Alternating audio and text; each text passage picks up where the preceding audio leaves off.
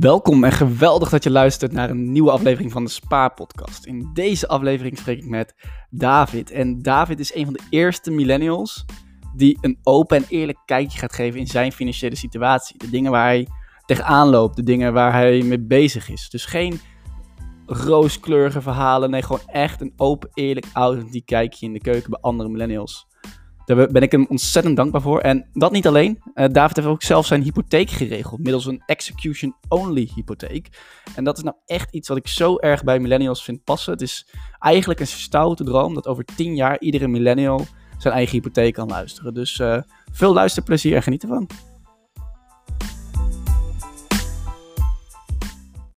Mijn naam is Robin Seets en ik publiceer minstens één keer per week een nieuwe podcast voor millennials die slim met hun persoonlijke financiën om willen gaan. Zodat je vooral zelf een lekker mooi leven kunt leiden, zonder financiële zorgen en zonder dat je iedere dag met je financiën bezig hoeft te zijn. De ene week laat ik een expert aan het woord om bijvoorbeeld moeilijke onderwerpen simpel uit te leggen. En de andere week is er juist een millennial te gast die eerlijke en authentieke verhalen komt delen over zijn of haar persoonlijke financiën. Of het nu om besparen, beleggen, een huis kopen of je pensioen gaat. Het ultieme doel van de Spaarpodcast is om alles rondom je persoonlijke financiën toegankelijk te maken op een zo simpele, leuke en eerlijk mogelijke manier. Nou, hoi David, super leuk dat je er bent en dat je het vandaag met mij onder andere over de execution-only hypotheek wil gaan hebben. Maar voordat we dat gaan doen, uh, wil ik natuurlijk eerst jou een beetje beter leren kennen. En, uh, en start ik altijd met de standaard vraag. En dat is, uh, welk cijfer geef jij je eigen financiële situatie. Ja, hey Robin, uh, leuk om uh, aan te sluiten en om het uh, hierover te gaan hebben. mijn eigen financiële situatie zou ik denk ik scoren op dit moment met een 8. En ja, een, een 8, laten we dat, dat zeggen. Oké, okay, supermooi cijfer. En wanneer wordt het een 9 of een 10? Ja, wanneer wordt het een 9 of een 10? Goeie vraag. Um, ja, als ik ook denk ik wat meer vermogen heb opgebouwd. Dus een beetje verschillende dingen. Ik heb nu net natuurlijk nu een huis gekocht. Uh, maar goed, daar ging heel veel geld naar uit. Dus eigenlijk alle reserves wel aan moeten spreken. Dus nu weer een beetje vermogen opbouwen. Ik ben in december gestart met voor het eerst pensioen in te leggen. Dus uh, vandaar ook dat ik uh, ja, in contact met jou ben gekomen. Ook op jouw site natuurlijk veel informatie gevonden erover. Maar ja, dat moest ik helemaal vanaf nul opbouwen. Uh, omdat dat dan niet door mijn werkgever werd geregeld. Dus ik heb al wel 3,5 jaar eigenlijk fulltime gewerkt. Maar nog helemaal niks in het pensioenpotje. Dus dat is nog zeker geen uh, 9 waard, zou ik zeggen. En uh, met een beetje vermogen in box 3 en wat pensioenopbouw zou dat natuurlijk wel mooi nog omhoog kunnen. Ja, precies. Dus je hebt al veel uitgegeven en uh, je weet ook wel wat je moet doen om er een 9 van te maken. Dus dat is hartstikke mooi. Nou, uh, meteen doorpakken dan. Um, ja, ja, wie ben je en wat doe je? Kun je even kort voorstellen voor de luisteraar? Ja, uh, David Mintjes. Ehm, ja, ik ben net zoals jij eigenlijk millennial. Ehm, ja, inmiddels 3,5 jaar werkzaam als consultant bij een middelgroot advieskantoor in Amsterdam. En dan uh, doen we met name meer strategisch advies aan uh, banken, verzekeraars of bijvoorbeeld in de logistiek over de topics omtrent digitalisering en uh, relevantie daarin. Dus daar, daar eigenlijk veel plezier aan het werk. En ik woon samen met mijn vriendin in Utrecht. Vorig jaar hebben we een huis gekocht. en ik heb een achtergrond. Ik heb ook gestudeerd in Utrecht en in Rotterdam achtergrond in economie en bedrijfskunde. En uh, ja, dat een beetje over mij en over een beetje over mijn financiële situatie. Oké, okay. bij Utrecht moet ik altijd denken aan die apenrots. Dat staat toch van het koor of zo? ja, apenrots, ja. ja, precies. Ja, het idee dat, ja, ja, misschien is het beter om hier niet te veel over uit te wijden.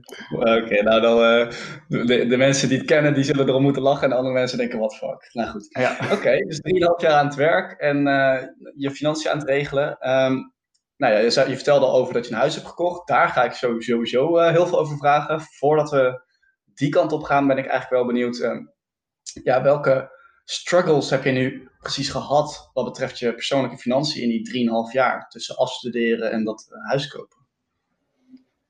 Ehm, ja, uh, even denken. Sowieso uh, dat dat ik mijn pensioen eigenlijk, potje was eigenlijk nul. Dus de werkgever die deed dat niet. Maar die heeft ook gewoon altijd gezegd: oké, nou, dat is iets wat je zelf kunt en uh, kunt regelen. En dan heb je ook de volledige vrijheid. En dat is ja. voor jezelf ook heel handig. Zo van ja, volgens mij is de trend ook dat, dat steeds meer mensen het zelf moeten regelen. Dus dat past daar wel goed in. Alleen heb ik dat persoonlijk dus ook zelf een beetje voor me uitgeschoven. Zo van, ik ga eerst eens eventjes kijken of ik een woning kan kopen. En daar gewoon goed voor sparen, want het is hartstikke lastig als starten. En uh, dan kijken we wel weer verder naar, uh, naar het pensioen. Dus ja, dat, uh, toen eigenlijk afgelopen december dacht ik wel van, laat ik eens een keertje, ook met corona, eens een keertje gaan uitzoeken hoe dat nou precies werkt met pensioen. En toen ben ik dus uiteindelijk gestart. Maar ja, heel veel mensen die hadden, hebben natuurlijk al vanaf uh, begin twintig uh, met bijbaantjes en fulltime dat ze al pensioen opbouwen. Ja. Dus, dus, daar loop ik een beetje achter, maar op zich is dat ja, nog steeds wel, wel prima. Weet je misschien wat de trigger was? Dus wat, wat was de aanleiding dat je uiteindelijk dacht, nu ga ik er echt voor zitten? Was dat corona of was er iets anders dat er gebeurde? Uh, nou, sowieso dat ik het voor me uitschoof met de reden van ik, uh, ik uh, ga een huis kopen eerst. En ja. ik had toch niet zoveel vermogen daarnaast natuurlijk over. Dus dat was heel simpel. En ja, nu denk je van oké, okay, ja, nu kan ik het eigenlijk niet meer voor me uitschuiven. Nu moet ik het wel even regelen. En ja, corona helpt dan wel mee dat je een beetje veel thuis zit en meer vrije tijd hebt. en ja, dan, dan ga je dat gewoon een beetje met die donkere dagen daar eens een keertje op over zitten. En een keer kijken. Ja, en, nou, logisch. En ook wel veel gelezen over des te eerder je begint. En dat zeg jij ook heel vaak in je podcast. Van, ja, het, ja. het maakt significant uit gewoon die extra, dat extra jaar dat je eerder begint. Uh, als je het gewoon op een goede manier wegzet. Ja, dus één grote financiële beslissing tegelijkertijd. En daarna gewoon meteen doorpakken om, uh, om gelijk vroeg te beginnen eigenlijk, als ik het zo zie. Ja, precies. Ja. ja. Oké. Okay. En uh, nou, toen ben je je pensioen uit gaan zoeken. En nou, wat heb je allemaal ontdekt op het moment dat je bent uit gaan zoeken? Uh, nou, dat eigenlijk. Uh, dat vooral ook uh, voor ZZP'ers en zo, dat, zo zie ik mezelf dan ook op het pensioengebied. Dus je moet alles zelf doen. Eigenlijk heb je geen eh, deel wat de, wat de werkgever voor, je, voor je inlegt. Ja. Dus daar, daarmee kun je jezelf goed identificeren. In dat op pensioengebied in ieder geval. Um, en dat je dus die, dat jaarruimtestuk hebt en dat je dat ook voor een groot deel kan uh, gebruiken. En dat, dat als je dat helemaal vanaf uh, helemaal wil gebruiken, dat het echt wel flink veel geld is als je van nul naar directe jaarruimte gaat. Dus dat dat ook wel voor mij dacht ik, nou, dat wil ik in ieder geval nog niet helemaal benutten. Want dat ja. is wel echt heel veel geld. Hoeveel, uh, hoeveel jaarruimte heb jij in 3,5 jaar opgebouwd? Ja, volgens mij heel veel. Um, ja, ik, ik weet het niet uit mijn hoofd, maar wat zal het zijn? 6.000, 7.000 euro? Dat valt dan nog mee, ja. Nee, ik denk, ja, misschien nog wel meer. Of, nee. heb, je het voor één jaar, heb je het voor één jaar al berekend misschien? Of uh, weet je toevallig van afgelopen jaar? Of? Ja, volgens mij afgelopen jaar 4000 of zo. Nee, ik zou het niet, uh, ik zou het niet weten. Ah, okay. Dat zou ik echt moeten opzoeken. Ja, heb je al wel een inleg gedaan daarop? Of? Ja, dus uh, afgelopen december heb ik dan ingelegd. En dan ook snel voor het nieuwe jaar, zodat je het natuurlijk terug kan, krijgen. Fiscaal aftrekbaar natuurlijk voor, 2000, voor het volgende jaar.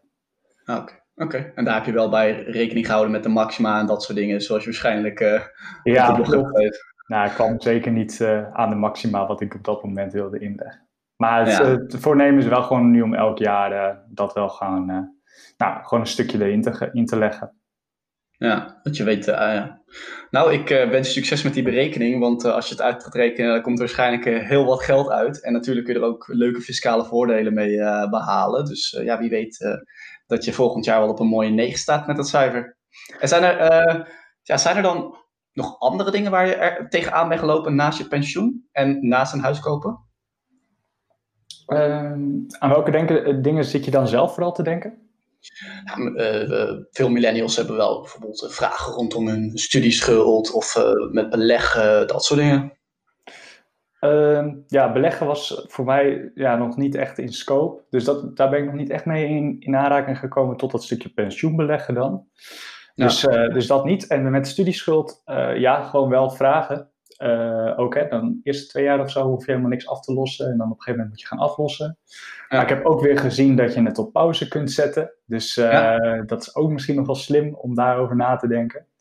Ja. Om, ja. En inderdaad, ook, ook omdat je binnen 15 jaar uh, je, je studieschuld moet aflossen. Maar als je in het nieuwe stelsel valt binnen 30 jaar. En volgens mij kon ik van een overgangsregeling gebruik maken. Maar dan moest ik dat wel weer aangeven. Dat ik in principe 15 jaar moest. Maar dan kon ik in overgang 30 jaar vanwege het jaar van afstuderen. Maar dat heb ik uiteindelijk ook niet uh, helemaal uitgezocht. Uh, en moet ik gewoon in 15 jaar eigenlijk af, afbetalen. Ja. Nou, mooi onderwerp uh, voor mij om nog eens een keer een podcast over te maken. De aflosvrije periode. Ik heb hem zelf ook aanstaan, inderdaad. Dus ik los momenteel niet af. En hoe dat, uh, nou, wat die studieschuld allemaal voor effecten heeft en dat soort dingen. Nou ja, maar begrijpelijk dat dat ook voor jou een thema is. En misschien dan de laatste vraag. Dat zijn natuurlijk de dingen waar je nu al tegenaan bent gelopen.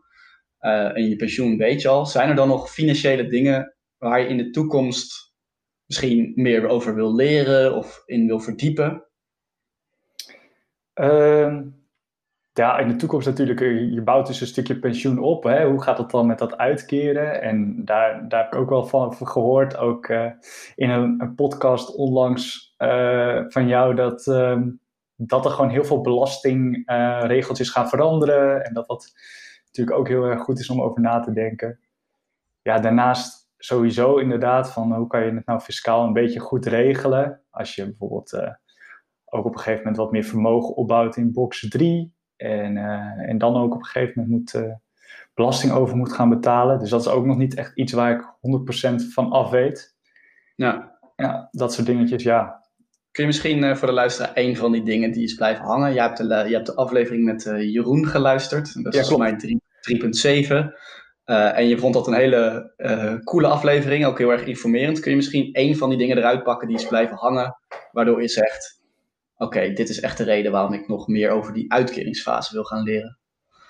Ja, zeker. Want uiteindelijk, als je natuurlijk een 9 hebt van je eigen financiële situatie, of je wil er een 10 van maken, en dan is natuurlijk het einddoel dat je eerder met pensioen gaat. Dat zou natuurlijk mooi zijn. Maar dat je dan ook tegen allerlei dingen aanloopt omdat je uh, niet zomaar in vijf jaar je pensioen mag uitkeren. Dat je dan, dat, dan extra twintig jaar vanaf de AOW-leeftijd dat moet doen. En dat het daardoor, wat je dan bijvoorbeeld op je zestigste uitkeert, eigenlijk mogelijk niet genoeg zou kunnen zijn. Terwijl het, uit het grote potje wat je hebt opgebouwd, daar wel naar neigt. Dus ja. dat is wel een eye-opener voor mij. Ja. ja. Als je eerder met pensioen wil, dan moet je een heel, heel groot potje opbouwen. Ja. Anders heeft het nog niet zoveel zin. Ja. Klopt, dus dan okay. misschien toch niet je jaarruimte elke keer maximaal gebruiken, maar gewoon uh, ook een stukje vrij vermogen uh, opbouwen, wat je gewoon altijd kan inzetten. Of een beetje aflossen op je hypotheek, dat soort uh, extra aflossen. Ja. Nou, ik vind het wel echt gaaf om te horen dat je er zo mee bezig bent. En natuurlijk ook dat je bij mij wat in de podcast wat geleerd hebt. Ik vond het zelf ook echt een hele leuke aflevering, ook om te doen. Dus super, super om te horen. Nou, laten we gewoon lekker doorgaan dan naar de execution only hypotheek. Want dat is uiteindelijk ook waarom jij met mij in contact bent gekomen. En dat is het onderwerp waar ik volgens mij ontzettend veel van jou kan leren. Ik wil namelijk ja, eigenlijk binnen enkele jaren wel een huis gaan kopen. En ik ben zo'n typische millennial die stront eigenwijs is. Die eigenlijk denkt van, waarom hebben we al die adviseurs nodig? Wat is dat voor achterhaald systeem? We hebben toch gewoon internet, dan kan je toch dingen transparant maken? Dus ik ben zo'n echte doe-het-zelver. Maar ja, zoals eigenlijk hetzelfde geldt bij pensioenbeleg met al die regeltjes, geldt dat ook weer bij execution only hypotheek. En volgens mij weet jij daar ontzettend veel van af. Dus om gewoon simpel te beginnen, wat is nou een execution only hypotheek? Uh, ja, nou eerst nog eventjes, eventjes over hoeveel ik ervan af weet. Ja, ik praat natuurlijk uit eigen ervaring. Ik ben zeker geen financieel adviseur of iets dergelijks. Ik heb me er gewoon op dat moment in verdiept. Net zoals dat jij een pensioenbeleg hebt uh, verdiept. Ja. En, uh, dus ik praat gewoon uit eigen ervaring. En sommige dingen zal ik ook zeker niet weten. En zul je ook ja. echt beter aan een adviseur kunnen vragen uiteindelijk. Ja, goed. Uh, ik zeg altijd, uh, je kunt altijd mensen van A naar Z brengen, maar jij gaat mij al van A naar X brengen. En je, je bent geen financieel adviseur. Oké, disclaimer hebben we gemaakt. Maar ik denk dat ik en de luisteraar hier heel veel van op gaat steken, omdat jij het al hebt gedaan. En ik heb ook al gehoord dat je het goed hebt uitgezocht. Dus uh, je mag best trots zijn op, op wat je al wel weet. Dus laat, ja, nee, je hebt gelijk. Geen ja, financieel adviseur, maar je gaat ons zeker helpen. Daar ben ik van overtuigd. Ja, precies. Dat alle financieel adviseurs die zo meteen luisteren denken van... Nou, uh, daar gaat hij toch wel erg kort door de bocht. Maar ja, dat is misschien ook wel mijn rol hè, als millennial. Een beetje tegendraads en gewoon lekker je eigen dingen. Ja, die mensen zijn allemaal bang voor een baan, joh, of zo, weet ik veel. ja, Oké, ja, dus, dus wat is die execution-only hypotheek? Execution only wil eigenlijk zeggen dat je een hypotheek uh, afsluit zonder advies, dus uh, zonder de tussenkomst van een adviseur. En je hebt eigenlijk twee typen adviseurs die je kan inschakelen: een onafhankelijke, via bijvoorbeeld uh, de hypotheker of de hypotheekshop, of een afhankelijke adviseur, dat is eigenlijk een medewerker van de bank die, of van de hypotheekverstrekker. Ehm, die, uh, die je daar ook in, van advies kan voorzien wat voor jou het beste product kan zijn. En als je execution only doet, dan maak je daar eigenlijk geen gebruik van en regel je het eigenlijk allemaal zelf. Dat is eigenlijk kort door de bocht wat execution only is. Oké, nou dus ik ben inderdaad zo'n uh, tegendraadse millennial en ik denk, uh, ik weet nu wat een execution only is. en ik denk, nou dat kan maar waarschijnlijk wel eens wat kosten gaan schelen. Dus uh, hoe werkt het dan precies als ik een, een execution only wil afsluiten? Uh, ja, goede vraag. Uh, eigenlijk gewoon heel veel dingen zelf eerst uh, uitzoeken. Tenminste, dat heb ik gedaan. Ik ben eerst, nee, ik heb eerst wel eerst een, eigenlijk een um, gesprek gehad bij de um, hypotheekadviseur. En dat noemen ze dan een vrijblijvend oriëntatiegesprek. En uh, daar zou ik ook altijd mee starten, want dan ga je gewoon met een adviseur om tafel. En dan ga je gewoon kijken van, hey, wat kan ik eigenlijk lenen met mijn inkomen en met mijn schulden en met uh, misschien wel inkomen van je partner erbij. Uh, en dat is super handig om te weten, want dan weet je ook wat voor huis je kan kopen. Uh, en dan kan je bijvoorbeeld op Funda wat uh, extra filters aanzetten als het een beetje tegenvalt. Want ja, ja. stond vandaag weer in, uh, op de NOS dat, het, dat de huisprijzen weer gestegen waren. Dus het is, ja, het is gewoon echt een moeilijke markt waarbij het gewoon goed is om uit te zoeken wat je überhaupt kan met je ja, financiële situatie. Dus dat, daar kan een hypotheekadviseur je bij helpen. En dat, dat doen ze in principe ook ja, kosteloos als oriëntatiegesprek. Dat, eh, dat heb ik toen gedaan. En uh, toen, dan kan je eigenlijk uh, kijken van, nou, wat, wat, wat past dan bij mij? En uh, kun je kijken van, welk product sluit dan aan? En ik denk dat het ook de afgelopen jaren steeds makkelijker is geweest. Want het aantal hypotheekproducten wat in de markt is, is flink naar beneden gegaan. Dus je kan eigenlijk nog maar twee opties kiezen. Het is eigenlijk heel saai. Of je gaat voor een lineaire hypotheek, of voor een annuïteitenhypotheek. Ja. Uh, en vroeger had je bijvoorbeeld ook nog aflossingsvrij.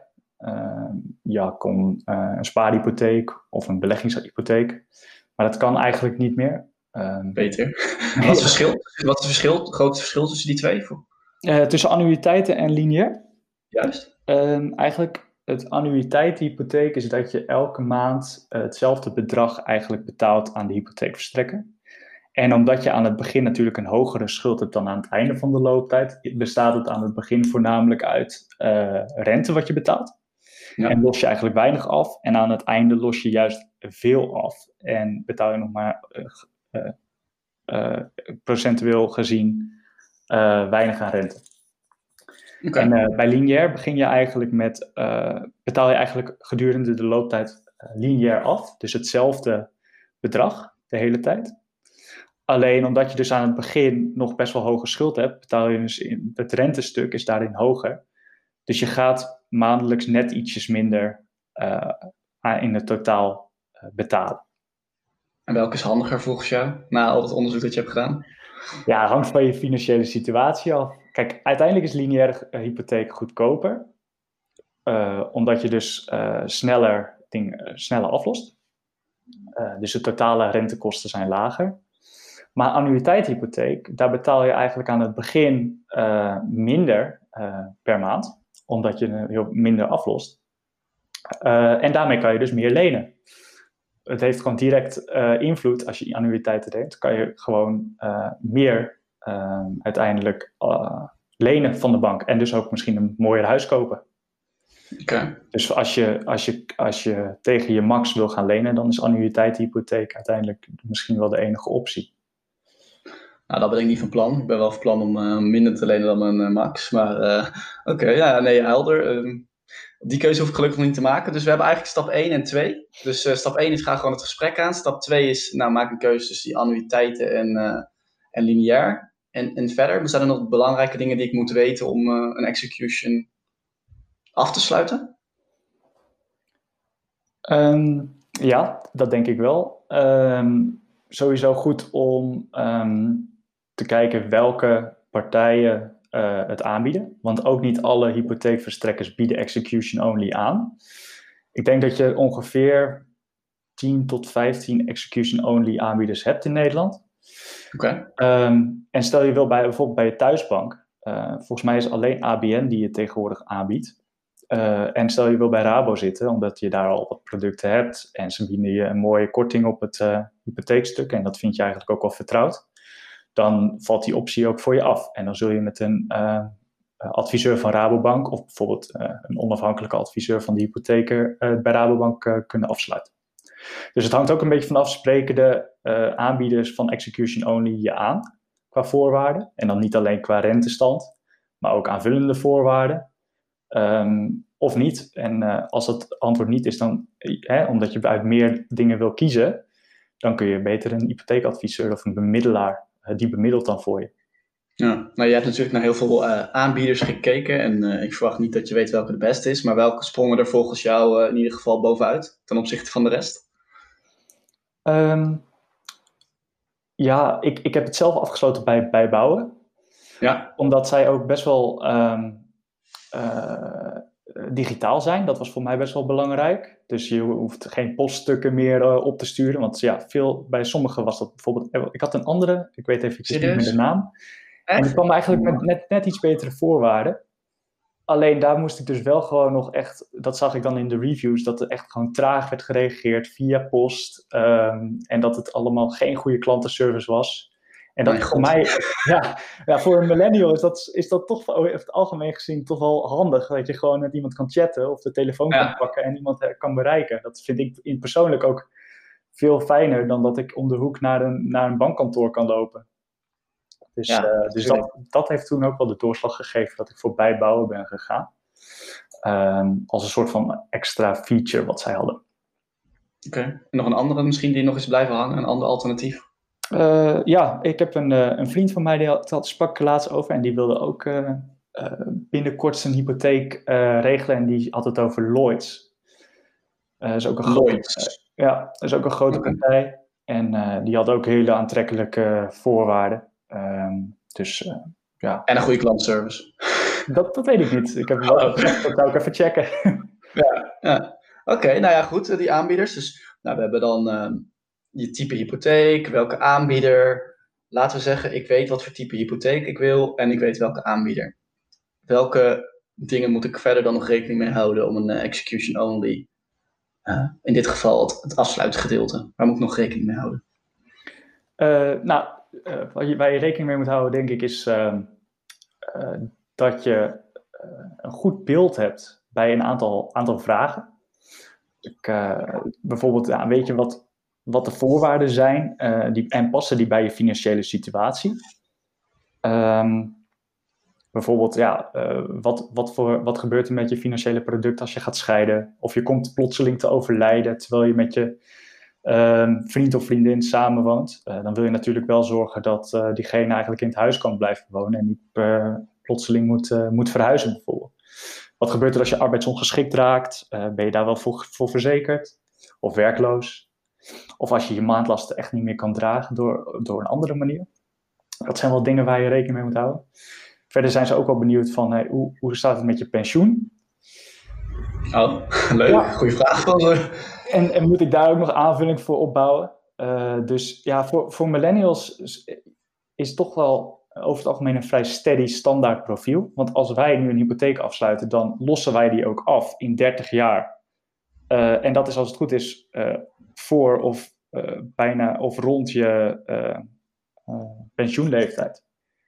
Dus dat vindt de bank ook wel belangrijk. Want als jij op je vijftigste nog eens een keertje een lening aangaat van, nou, weet ik niet, drie ton. Dan is die op je, op je zestigste is die twee ton. En op je zeventigste is die één ton nog over. En dan, ja, dan ben, jij net, dan ben je net dood. ja, precies. Dan zegt de hypotheek, ja, de verstrekker ook van, nou ja, we hebben wel een risicootje dat we dan nog één ton van je uh, moeten krijgen. Dus, uh, dus daarom denk ik dat het voor millennials ook echt wel beter is, uh, of geschikter is om een hypotheek execution only af te sluiten. Dan voor mensen die bijvoorbeeld moeten oversluiten of pas later een hypotheek nemen. Ja, dus voor wie is het geschikt? Dan zeg jij voor de steady millennial die zaken wel een beetje op orde heeft. Uh, ja, ja, inderdaad. Ja, en die het ook wel leuk vindt om het een beetje inderdaad do-it-yourself-achtig uh, zelf uit te zoeken. Ja. Um, en misschien ook wel verantwoordelijkheid wil nemen voor zijn eigen financiën. Dus uh, als het gewoon, het is, het is uiteindelijk ook wel, veel mensen vinden het ook wel eng. Het is natuurlijk je aankoop, je grootste aankoop in je leven. Misschien ja. sowieso op dat moment als je eerste huis koopt. Maar misschien wel voor de rest van je leven. Voor veel mensen waarschijnlijk wel, inderdaad. Ja, dus ja, dat is natuurlijk gewoon best wel spannend. En ik snap ook heel goed dat je daar gewoon een adviseur bij wil hebben, zodat je het gevoel hebt dat je geen fouten maakt. En uh, dat je gewoon een beetje een, een product koopt wat, wat past bij, uh, ja, bij jouw situatie. Dus ik, ik denk dat, dat het ook niet voor, ieder, voor elke starter uh, ja, geschikt is. En een beetje handigheid met, uh, met dingen zelf uitzoeken is ook wel handig. Want ja, het staat allemaal wel op het internet. Hè? Maar dat is met, net zo met heel veel dingen. Ja, het staat allemaal bij het verspreid. En ook niet iedereen zegt hetzelfde erover.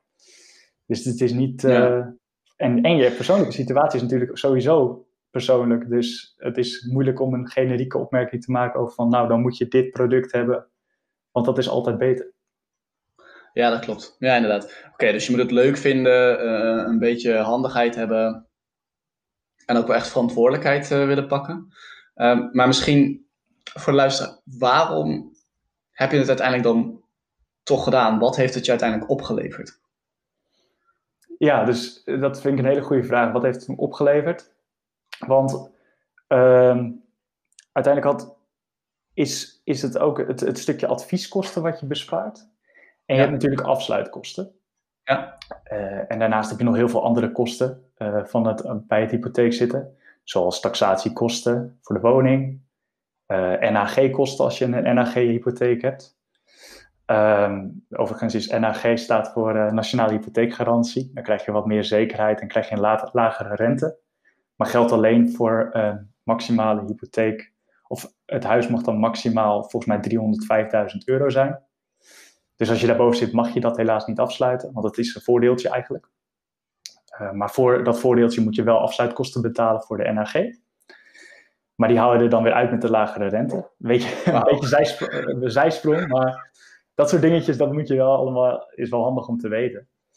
Uh, je hebt natuurlijk ook nog met overdrachtsbelasting te maken, maar die is nu voor starters eigenlijk uh, afgeschaft, ook onder de 4 ton. Ja. dat was 2%, dus dat is wel lekker als je daar nu als je dat niet meer hoeft te betalen. Uh, en makelaarskosten en een bouwkundige keuring. Dus heel veel, heel veel dingen die je allemaal nog extra moet betalen. Maar wat betreft de hypotheek, uh, heb je eigenlijk ad advieskosten en afsluitkosten. Uh, die je aan de hypotheekverstrekker betaalt. En soms is het een all-in prijs en soms niet. En die afsluitkosten die moest ik ook betalen bij bijbouw. Die waren ongeveer 400 euro.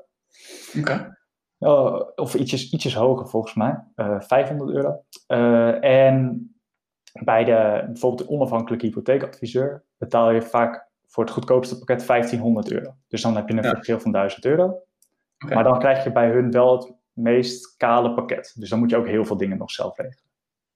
Stel je hebt echt advies nodig en meerdere gesprekken om echt een beetje goed voor jouw situatie te bepalen en heel veel vragen. Dan zeggen ze, we kunnen eigenlijk je alleen het middelmatig of het hoger pakket aanbieden voor 2500 euro of 3500 euro. En via de bank is het eigenlijk een beetje hetzelfde. Dus je hebt de afsluitkosten en de advieskosten die bij elkaar ongeveer 1700 tot uh, 2000 euro, 1500 euro zijn. Dus uiteindelijk, wat bespaar je ermee? ik denk dat je ongeveer bespaart tussen de uh, 1000 en de 2000 euro als start. Nou zijn die kosten wel aftrekbaar van de belasting, advieskosten. Dus als je dan uh, natuurlijk aangifte doet, dan, dan kan, je dat, kan je die kosten nog aftrekken. Dus volgens mij is de schijf in 2021 37% of zo, 45%. Ja. Dus dan zit je eigenlijk op nou, dat je nog 300 van die 1000 euro terugkrijgt, dus dat het 700 euro bespaart. Maar die kosten kan je ook aftrekken voor die 600 die jij zelf of 500 die je zelf uitgeeft. Klopt. Dus, oké. dus, ja. dus op de totaalprijs uh, bespaar je 1000 tot 2000 en dan moet je nog even rekening houden met het feit dat je nog wat uh, belasting af mag trekken. En uh, misschien wel de belangrijkste vraag ik dan. Vond je het achteraf waard om dat bedrag te besparen? Met alle tijd en moeite die je erin hebt moeten steken, toch wel eigenlijk.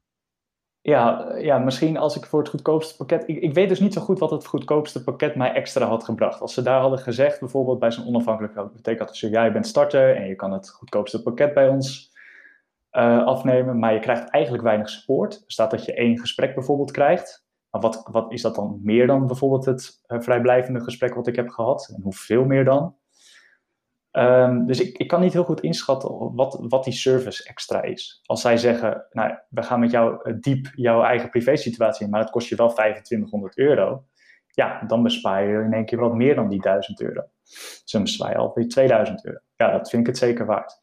Die 1000 euro denk ik, ja, misschien was het me niet waard geweest, maar op, op basis van de andere voordelen die ik eigenlijk ook wel zie, denk ik dat het, uh, dat het wel dat het, het waard is. Kijk, ik, ik vind het ook gewoon leuk om een, om een weekendje er een beetje in te gaan verdiepen. En wil graag ook wel weten wat ik afsluit. En luister niet eh, zomaar naar een adviseur, want dan gaat het het ene oor in en het andere oor uit. En ik, ik zal het wel goed hebben afgesloten. Maar het is fijn ook om een beetje te weten wat je precies afsluit. En dat je daar wel een beetje een gevoel bij hebt. En door het ja, eigenlijk geldt dat ook als je een adviseur, adviseur inhuurt natuurlijk. Die gaat wel een aantal dingen uh, voorzetjes geven. Maar dan ook als uh, millennial die het zelf wil begrijpen, ga je het alsnog heel erg goed uitzoeken. Uh, ja. Dus qua tijd had je dan misschien bijna evenveel gedaan. Ja, klopt. Ja. En, en daarnaast is natuurlijk snelheid of het direct regelen. En gewoon eigenlijk dat is ook een voordeel van execution only. Je kan het vandaag afsluiten eigenlijk. Of je denkt, ik ga dit weekend er even goed op, op, over studeren. En ik uh, ga het zondagavond uh, regelen. Nou, dan is de adviseur uh, zit Studio Sport te kijken, dus die is dan niet beschikbaar. Ja, dat past wel goed bij de situatie. Ja, wat ik ook wel fijn vind aan het idee is dat je niet adviseur afhankelijk bent. Want ik geloof best dat er enorme verschillen zitten tussen welke adviseur je krijgt. Um, en dat je dan zelf inderdaad de regie in handen pakt, vind ik in ieder geval een heel comfortabel idee. Dus uh, ja, nou, knap dat je het hebt gedaan. En misschien uh, nog één keer terugkomen op die voorwaarden dan. Want je noemde al een paar moeilijke dingen die in die kleine lettertjes staan. Als je het zelf moet uitzoeken. Neem uh, overlijden, scheiden, werkloos worden. heb je het gevoel dat al deze dingen tijdens het proces je duidelijk genoeg geworden zijn? Um, ja, ik, ik, ik heb daar zeker wel even een vinklijstje van gezet van oh, waar moet ik eigenlijk op letten. Um, en ik heb ook wel uh, bijvoorbeeld vergelijkingssites erbij gepakt, zoals bijvoorbeeld Independer. Ja. Waarop ook altijd wel staat, net als met zorgverzekering staan er altijd van die aandachtspunten van let op, je kan deze en deze dingen zijn hier wat minder goed geregeld. En als je dat gewoon ook een beetje aanhoudt van oh, als het hier wat minder goed geregeld is, dan is dat blijkbaar.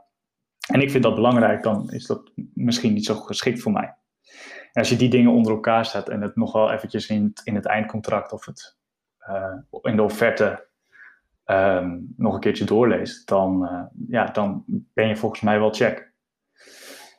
Uh, dus ja, het, is, het kost wel wat meer moeite, omdat je wel dat lijstje zelf moet maken voor jezelf. Van wat vind ik nou belangrijk en is voor mijn situatie belangrijk.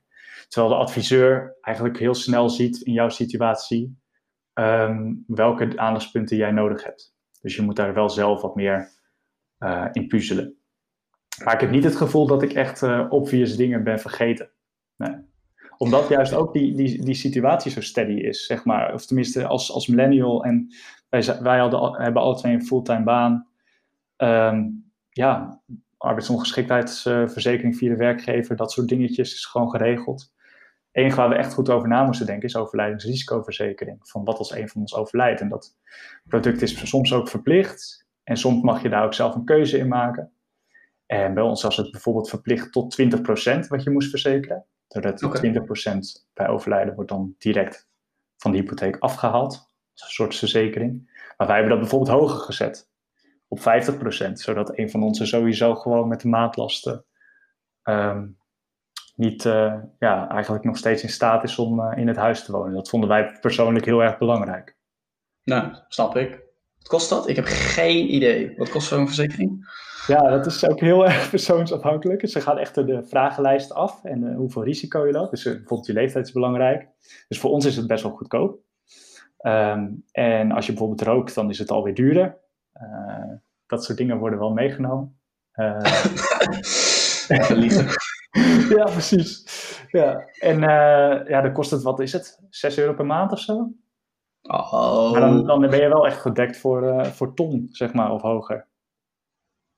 Ja, dus dat is best dit, wel... Dit, dit, klinkt heel fout, maar dat brengt me op hele nare ideeën. Goed, oké, okay, nou ja, eh, weet je wat we gaan doen? Uh, want we kunnen natuurlijk gewoon, uh, volgens mij, nog echt heel lang stil gaan staan bij die voorwaarden. Maar ik Hoe denk klinkt het eigenlijk voor jou? Misschien is dat ook een leuke vraag. Want Execution only. Ja. Goh. Nou kijk, ik denk dat ik uh, wat qua visie vind ik eigenlijk waarom hebben we nog al die adviseurs? Waarom hebben we in 2021 niet gewoon full transparency online, minder keuzes, uh, al die uh, voorwaarden en regeltjes? Waarom, worden niet, waarom staat dat niet gewoon allemaal duidelijk op één pagina? Zeg maar? ik, dat maakt, me nog een beetje zorgen. Dat vind ik niet heel fijn gevoel. En dan denk ik, ja, misschien is dit wel weer zo'n onderwerp uh, waar ik dan in dit geval gewoon die adviseur voor wil betalen. Maar anderzijds is, krijg ik bijna dat vlammetje weer wat ik ook bij pensioenbeleg heb. Dat ik denk, ja, hallo, wacht eens even. Jullie pakken allemaal 2000 euro per klant extra. Gewoon puur en alleen omdat jullie het niet duidelijk op internet zetten. Terwijl jullie die kennis hebben. En ik vind het ook uh, bijna een overheidsdingetje om dit uiteindelijk te gaan veranderen op de lange termijn. Waarom, waarom hebben we nog hypotheekadviseurs nodig over tien jaar? Ga weg met die mensen. Ja, sorry hoor, als je hypotheekadviseur bent. Maar zet het gewoon duidelijk op één pagina op Google. Meer pagina's hebben we niet nodig. Met die checklist, met die, met die voorwaarden. Zet er een paar vinkjes neer. Nou, ik begin helemaal, je hoort het al. dus wat mij betreft moet iedereen over tien jaar een execution-only hypotheek kunnen afsluiten. En niet alleen de steady millennial die toevallig een weekendje uh, uh, erin wil duiken. Ik vind het de verantwoordelijkheid van. De millennial moet verantwoordelijkheid pakken. Maar het is aan de industrie en de overheid om ervoor te zorgen dat die transparantie er is. Dus ja, uiteindelijk zit ik wel te denken van ja, misschien dat ik wel een hele grote voorstander ben van execution only. Om weer dat signaal af te geven van luister eens. Wij millennials zijn klaar met het feit dat, dat er overal maar oude wetgeving is over adviseurs die je per se moet hebben en die heel veel geld kosten. Nou goed, kan je ook weer relativeren natuurlijk. Hè, van ja, er zijn heel veel mensen die anders fouten gaan maken. Ja. ja, dat klopt. Maar dat betekent niet dat je het heel erg moeilijk moet gaan maken voor de mensen die het wel heel, heel erg graag willen. Um, en ik denk dat het een typische industrie is die echt nog heel, heel, heel veel transparanter kan. En uh, wat dat betreft uh, klinkt execution only uh, wel als echt iets voor mij. Dus ja, ik denk wel dat dit, dat dit iets is waar ik op door ga pakken. En uh, het lijkt me ook leuk om het op de blog te gaan zetten. Dus dat wilde ik eigenlijk net ook zeggen van... Laten we gewoon die checklist op de blog gaan zetten. En mensen daarbij helpen. Uh, en een signaal afgeven naar die industrie van jongens, hop op, beetje vernieuwen, beetje 2021, het is geen 1960 meer. Ja, klinkt ja. heel goed. Goed idee. Ja. Nou, goed mooi. Idee. En, natuurlijk zijn er toch wel heel veel haken en ogen waardoor adviseurs wel goed zijn. Hè? Dus uh, het is misschien toch niet voor iedereen uh, makkelijk. En zeker ook die, die kleine lettertjes, uh, die zul je altijd houden, omdat het gewoon een complex financieel product is, denk ik. Ja. Uh, en met het oversluiten van de hypotheek zou ik misschien juist wel weer gaan voor, hè, dus als je bijvoorbeeld een nieuw huis gaat wonen en een extra hypotheek wil aanvragen, dan is het al wat, wat, wat minder transparant. Omdat je natuurlijk in een eigen situatie zit, met je eigen voorwaarden en dan oversluiten, misschien een boete betalen. Dan, dan komen er zoveel meer dingen bij kijken. Maar ik deel wel de visie met jou als het gaat om starters met een beetje steady profiel. Ja, ja uiteindelijk weet je, natuurlijk heeft iedereen zijn eigen situatie, maar als je alles even gewoon plat slaat, heel veel mensen zitten ook in dezelfde situatie. En het feit dat al die situaties gewoon niet duidelijk zijn, dus Oké, ik heb nog geen huis en wil een huis kopen. Nou, ik heb een studieschuld. Oké, nou dat hebben wij allebei. Er zijn ook heel veel mensen die al een huis hebben. Nou, dat is echt een hele grote groep. En dan moet die adviseur niet gaan zitten doen alsof ik nou zo'n speciale jongen ben. Nee, degene die net voor me kwam en degene die na mij komt, zit in exact dezelfde situatie. Ja. Ja. En eh, zet die kleine lettertjes, ik wil gewoon af van het feit dat we dat kleine lettertjes noemen. Zet die kleine lettertjes gewoon op je homepage. En als je, als je dat niet doet, dan blijf je eigenlijk zo'n visueuze cirkel creëren van, ja, nee, eh, jullie zijn allemaal eh, millennials en speciaal en je moet een, een, unieke behandeling. Nee, jij moet gewoon transparanter worden. En ik ga dat gewoon online zetten en iedereen die dat wil, moet het makkelijk kunnen lezen en wat leuker maken. Ja, goed, dus dat is een beetje ja. heel uitgebreid antwoord op jouw vraag. ja, precies. Ja, deze mening brengt toch wel wat uh, bij mij naar boven. Dat is dat er, dat er naast inderdaad die kleine lettertjes, die dan misschien niet transparant is, is er nog de voorwaarden. dus ik had toen dat oriëntatiegesprek en toen mocht ik even meekijken op het beeldscherm van de adviseur.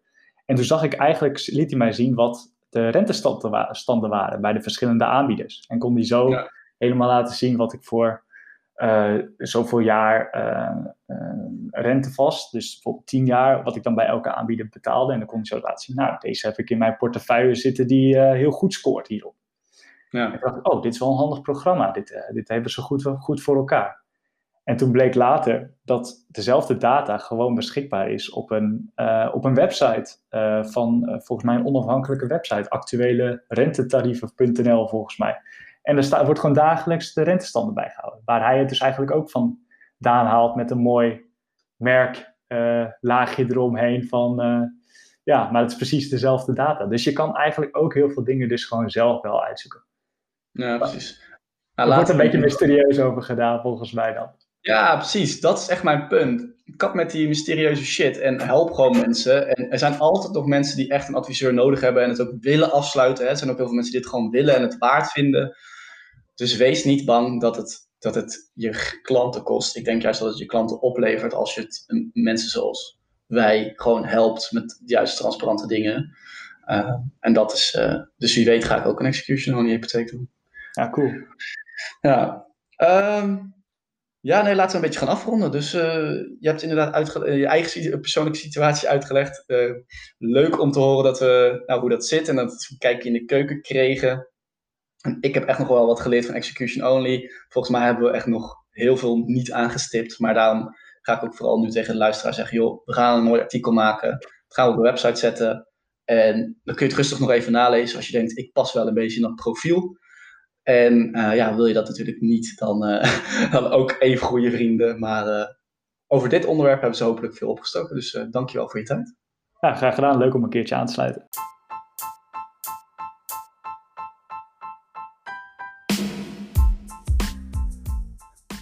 Bedankt voor het luisteren naar de Spa-podcast. Ik hoop dat je opnieuw iets hebt opgestoken en dat je een stap dichterbij bent bij het op orde brengen van jouw persoonlijke financiën op een zo slim mogelijke manier. Mocht je nu meer informatie willen, dan kun je veel onderwerpen ook even nalezen op mijn blog www.despaarpodcast.nl. Je vindt hier ook veel persoonlijke artikelen, bijvoorbeeld over mijn portfolio, doelen en de workations waar ik wel eens op ga. Heb je nog andere vragen? Stuur me dan gerust een bericht op eh, Instagram naar de Spaarpodcast. Dat is spaarpot met een D en kast met een C. En deel jij nu mijn uh, persoonlijke missie om financiën toegankelijk te maken op een zo simpele, leuke en eerlijke manier? Dan zou ik het echt enorm tof vinden als je een review achter wil laten. Op uh, Apple Podcasts kun je dit bijvoorbeeld doen bij de reviews. Selecteer het aantal sterren en laat even weten wat je van de podcast vond. Ik lees die reviews altijd graag. En zit je op Spotify, dan hoef je eigenlijk alleen maar even op volgen te drukken, want daar kun je nog geen reviews achterlaten. Je, je wordt dan wel altijd op de hoogte gehouden van nieuwe afleveringen. En wil je nu zelf een keer graag in de show komen, dan kan het ook. Contact me dan via Instagram, spaarpodcast, of mail me even naar Robin, at. Dit was hem weer en hopelijk tot de volgende keer.